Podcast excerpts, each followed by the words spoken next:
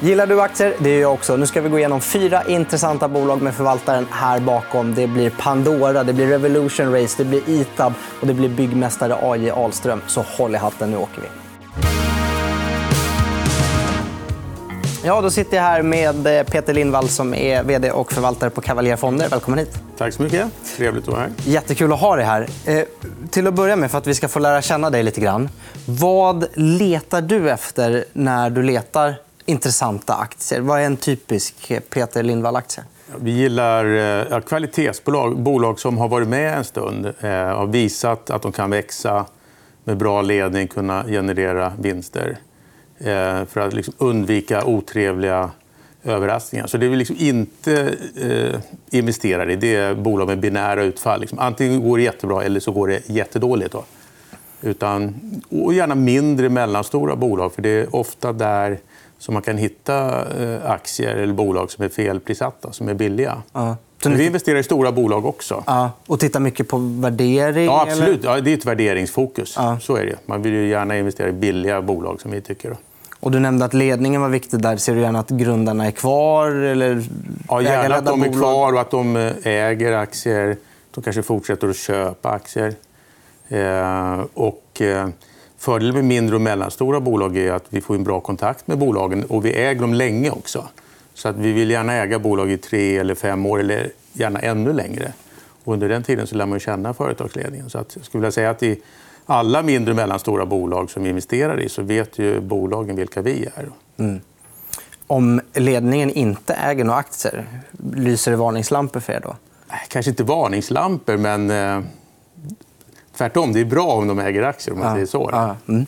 Eh, vi ska gå igenom fyra bolag som på olika sätt faller inom då vad ni letar efter. Mm. Och vi börjar med Revolution Race, som ju mm. är väldigt omtalat. kom ganska mm. nyligen en rapport mm. Eh, som ju var stark, får man ju lov att säga med mm. tanke på all oro för retail-spendering och sådär. Mm. Vad, vad tänker du dels om rapporten om bolaget? Nej, men vi gillar bolaget. Vi tittade på det vid introduktionen. Jag tror det noterades på 75 och var uppe i 100. Eh, jag gillar produkterna. Jag har köpt flera av dem själv. Eh, och det jag gillar är ju att det är höga bruttomarginaler. 70 procent. Som ett it-bolag. Eh, det finns väldigt stora tillväxtmöjligheter på eh, nya marknader men också med nya produkter. Till exempel så lanserar man ju och testar en hundkollektion. För man har många hundägare som kunder. Den sålde slut på en gång. Eh, och aktien kom ju ner kraftigt här eh, under under sommaren och handlades till eh, ungefär tio gånger årsvinsten. Vilket är ju väldigt lågt för ett bolag som i princip då var skuldfritt och har tiodubblat omsättningen på jag tror det är fem år. Mm. De gör ju friluftskläder. Hur kan mm. man ha 70% i bruttomarginal på friluftskläder? Jag vet inte. men, det, men jag tror, tror att... att det är hållbart i längden? Eh, jag vet faktiskt inte. Nej. Men eh, de har haft det hittills i alla fall. Mm. Så det, och det blir ju väldigt mycket pengar på nedersta raden när man växer.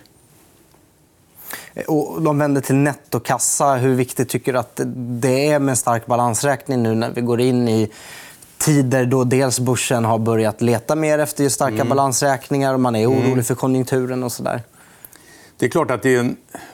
Man kan på ett sätt säga att det är fördel med starka balansräkningar och nettokassa. Men rent optimalt så, eh, så kan man visa att det är bättre att, eh, skuld, eh, att det finns en skuld i balansräkningen över tiden eftersom lånat kapital är billigare än, än eget kapital. Men där gäller det att hitta en bra balans då, så att man inte blir för eh, skuldsatt. Då, i, så att man tvingas till nyemission i dåliga tider. Så att, eh, jag har inget emot att det finns en skuld i, i balansräkningen. Nej.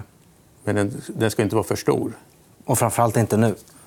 Nej, nu är upp... När det blir dyrare. Ja, precis. Ja, mm. så är det ju.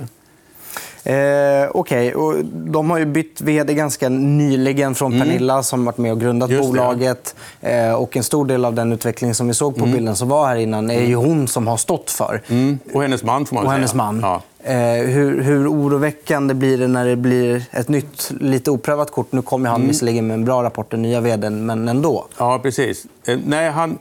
Eh, jag tycker inte det är konstigt att hon lämnar som vd. Hon har ändå byggt upp det här bolaget och gjort ett fantastiskt jobb. Och jag tror att det är väldigt tungt att vara börsbolags-vd.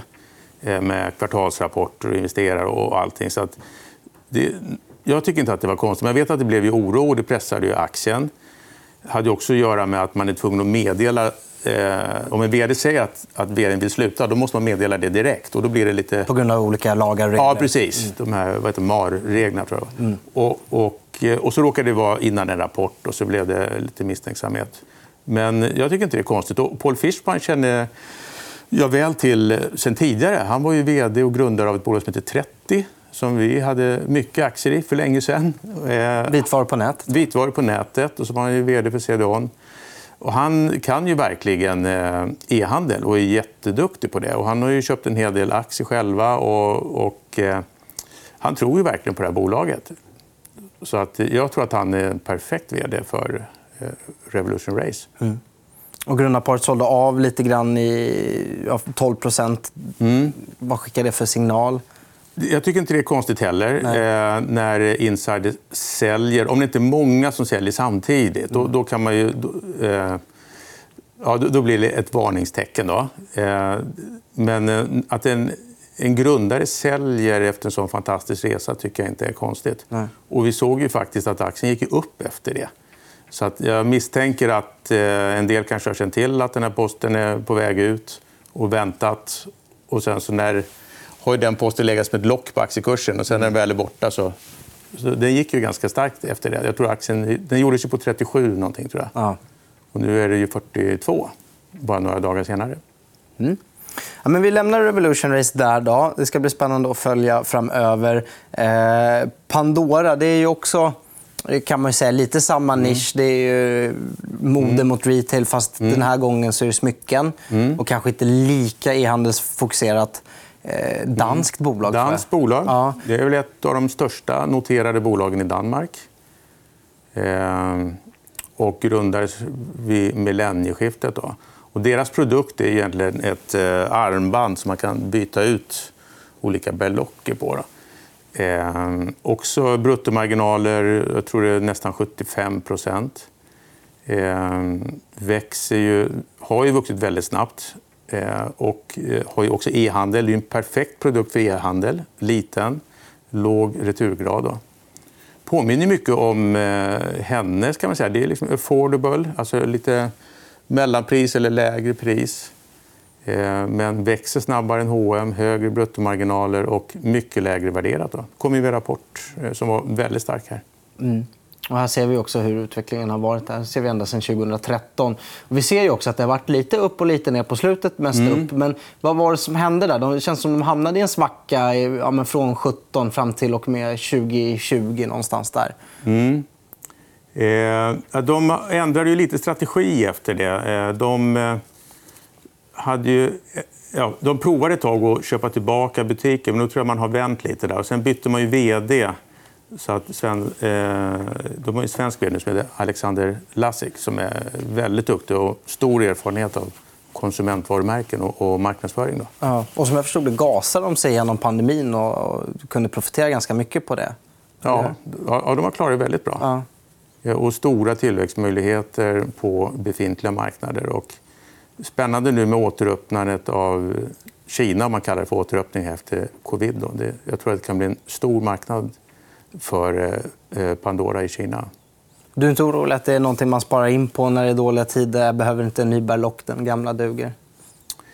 Jag tror nog att... Eh, ja, kanske för en del människor, men samtidigt är ju ett, ligger de i en prisklass som kanske gynnas av att folk sparar.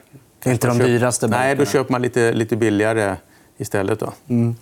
Eh, det ser ju billigt ut. Mm. Eh, det här är ett bolag jag har följt ganska länge. Det har ju lite alltid också sett billigt ut. Mm. Eh, vad krävs för att de ska bli uppvärderade? Känns, vinna marknadsförtroende gissar jag på något vänster. Ja, jag tror det är så enkelt att man, att man måste visa eh, flera kvartal i rad liksom, att, att det håller. Så, mm. att, så att man tror att det här är eh, uthålligt. Då. Mm. Eh, ja, det är väl det som krävs för alla bolag egentligen. Liksom. Upp till bevis, helt Ja. Och sen köper de ju tillbaka aktier, eh, hög utdelning också. Det tycker jag också är en, en positiv sak. Och där var vi bolag som vi letar efter så tycker jag det är väldigt positivt med bolag som har ett mandat att köpa tillbaka egna aktier. För Det visar att man, att man har ett aktieägarfokus. Mm. Och att man kan nyttja det mandatet när, när man anser att, att, att börskursen är låg. Då. Vi i Sverige är inte lika vad ska man säga, vi är inte lika aktiva på att återköpa aktier som mm. amerikanerna. till exempel. Är det någonting som du skulle vilja se tycker var positivt om vi blev lite bättre? Ja, jag tycker det är väldigt positivt. Mm. Så det, det, är absolut en faktor vi tittar på. Ska vi gå vidare då till Itab Shop Concept, mm. butiksinredning. Mm. Ja. När det är butiksdöd. Ja, Hur känns det? Men du gillar bolaget ändå? Ja, men Itab har ju varit ett kvalitetsbolag som har vuxit under många, många år. Eh, mycket förvärvsdriven tillväxt. Eh, men sen så blev det ju problem där med butiksdöden som man pratade väldigt mycket om. Och e-handeln växte och då var det nog många som räknade ut Itab helt. Samtidigt så drog ju H&M som var största kunden ner kraftigt. Då. Så att där hamnade ju Itab i en svacka. Då. Men eh, antalet butiker eh, ökar ändå i, i världen trots e-handel, men de ser lite annorlunda ut. De blir lite mindre det är mera eh, teknikinnehåll i butikerna, vilket gynnar Itam. Då. Hur då? Eh, därför att de säljer produkter med, med mera teknik eh, med, med högre marginaler. Då. Självutcheckning, olika skärmar eh, och, och, och, säkerhetssystem. Så att Sen har de ju över halva försäljningen till dagligvaruhandeln. Det ska man inte glömma bort. Alltså typ Ica, och Coop och Tesco. De här. Där e-handeln inte har etablerat sig lika... Nej. Inte lyckats. Vi kanske vill ut och känna och klämma på äpplen. Ja, precis. Ja, men dels det, ja. men, men sen är det också en väldigt stabil verksamhet. Så då, där är det ju kontinuerligt att butikerna byggs om och, och renoveras. Då. Och inte så konjunkturkänsligt heller. nej, precis. Och sen är de inne då med ja, de bygger showrooms åt Polestar. Så att, och också en, en väldigt låg eh, värdering tycker vi på, på aktien. Eh, de gjorde en emission 2021 för att beta ner på skulden. Tycker mm. att det ser stabilare ut nu efter det? Ja, nu är skuldsättningen jättelåg. 350 miljoner tror jag det var nu om man inte räknar med leasingskulder. Så att det är väldigt låg skuldsättning. Och nu är ju bolaget eh, det sa de i senaste rapporten att de, de tittar på förvärv också.